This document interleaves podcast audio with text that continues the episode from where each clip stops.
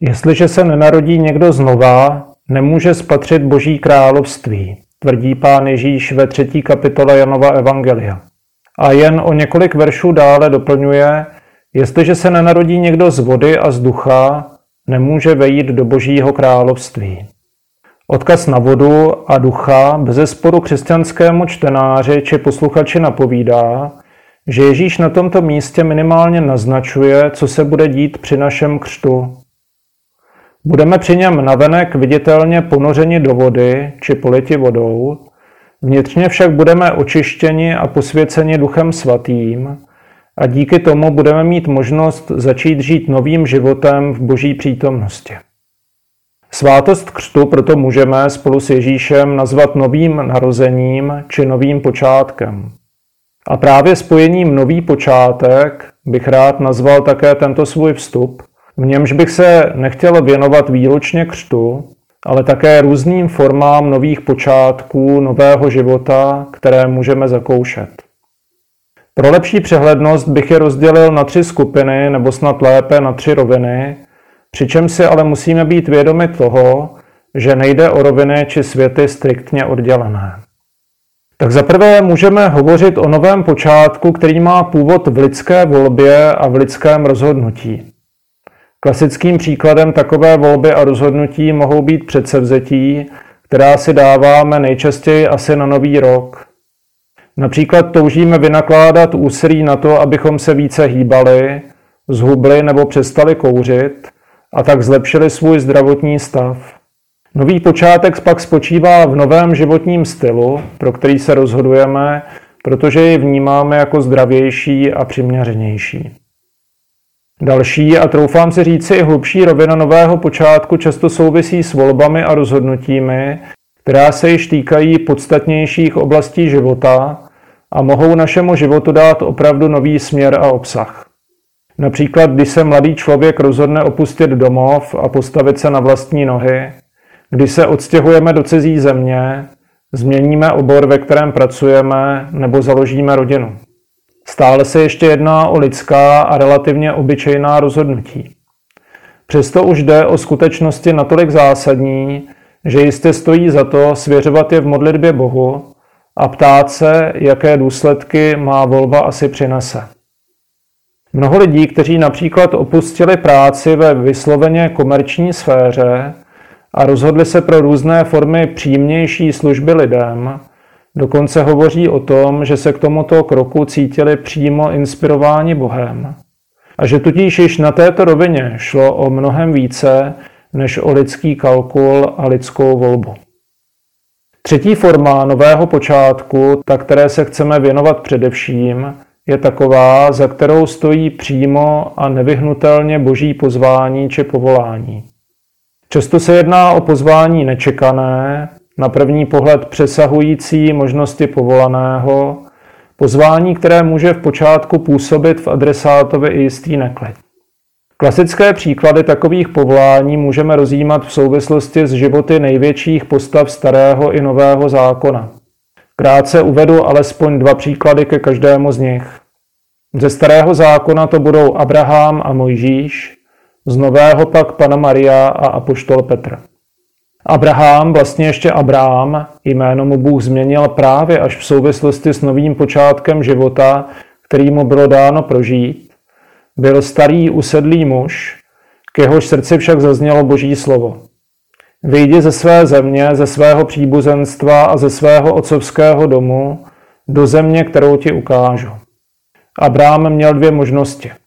Neuposlechnout a zůstat jedním z mnoha bezejmených nomádů své doby – anebo se stát božím poutníkem a praotcem všech věřících, tím, který bude předávat nesčetným generacím až do dnešních dnů svou zkušenost s Bohem, s boží věrností, ale také velikostí, která se mimo jiné projevuje rovněž boží jinakostí. Vždyť, jak říká sám Bůh, mé myšlenky nejsou myšlenky vaše a mé chování není podobné chování vašemu.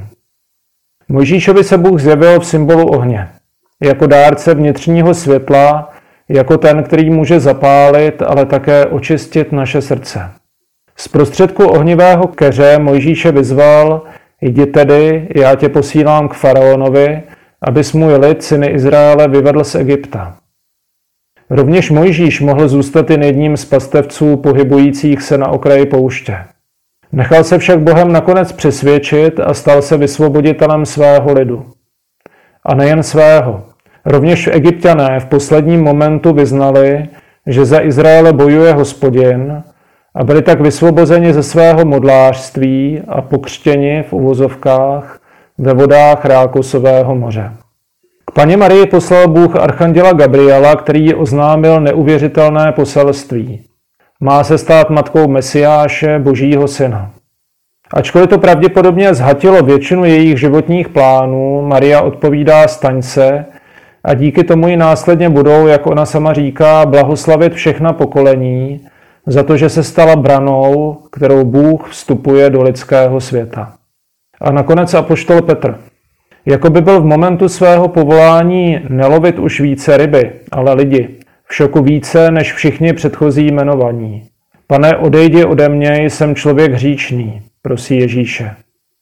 I on však postupem času uvěří, že nehledě na jeho slabost a omezenost, se Ježíš rozhodl právě na něm založit svou církev, kterou pekelné mocnosti nepřemohou. Když rozjímáme o povolání těchto osob, uvědomujeme si minimálně dvojí. V okamžiku, kdy Bůh vstoupil do jejich životů, jejich životy dostaly nejen nový vnější směr, ale především nový vnitřní smysl. Šlo tedy skutečně o jakési nové narození, nový počátek, novou kvalitu života. A za druhé, jejich souhlas, jejich ochota nechat se Bohem inspirovat, pozvat a vést, měla obrovský význam nejen, nejen pro ně samé, ale i pro velké množství dalších lidí. Snad můžeme říci, že Bůh povolal je, skrze ně však mnohé další. To znamená, že jejich povolání, jejich souhlas a jejich nový život se měly stát zárodkem povolání, souhlasu a nového života mnohých, včetně nás, kteří nyní nasloucháme vyprávění o jejich osudech. Když o těchto tématech při různých příležitostech mluvím před posluchači, kteří jsou fyzicky přítomni, dostávám obvykle otázky, na které neznám přesnou odpověď. Například, co by se stalo, kdyby, když by pana Maria řekla andělovi ne, já se nechci stát Matkou Boží. Pokračovalo by dílo spásy, pokračovalo by tak, jak ho známe, anebo by Bůh se stoupil na zem jinou cestou. Jak už jsem říkal, odpověď na podobné otázky neznáme. Jak z písma, tak z vlastní zkušenosti však víme, že se v životě můžeme nejen zmílit a udělat dobře míněná rozhodnutí, která se později ukážou jako chybná, ale také skutečně odporovat Bohu a utíkat před jeho inspiracemi. Opět bychom mohli uvést řadu příkladů. Ve starém zákoně například čteme o útěku proroka Jonáše, který prchal před božím hlasem a obrácení, byť částečné, prožil až v naprosté temnotě velrybých útrop. V Novém zákoně zase čteme příběh o bohatém mladíkovi, který se sice již dlouho snažil zachovávat přikázání, ale když ho Ježíš povolal k ještě bližšímu následování a vybídnul ho, jdi, prodej svůj majetek a rozdej chudým a budeš mít poklad v nebi, pak přijď a následuj mě. Odešel pryč, celý smutný, protože měl velký majetek.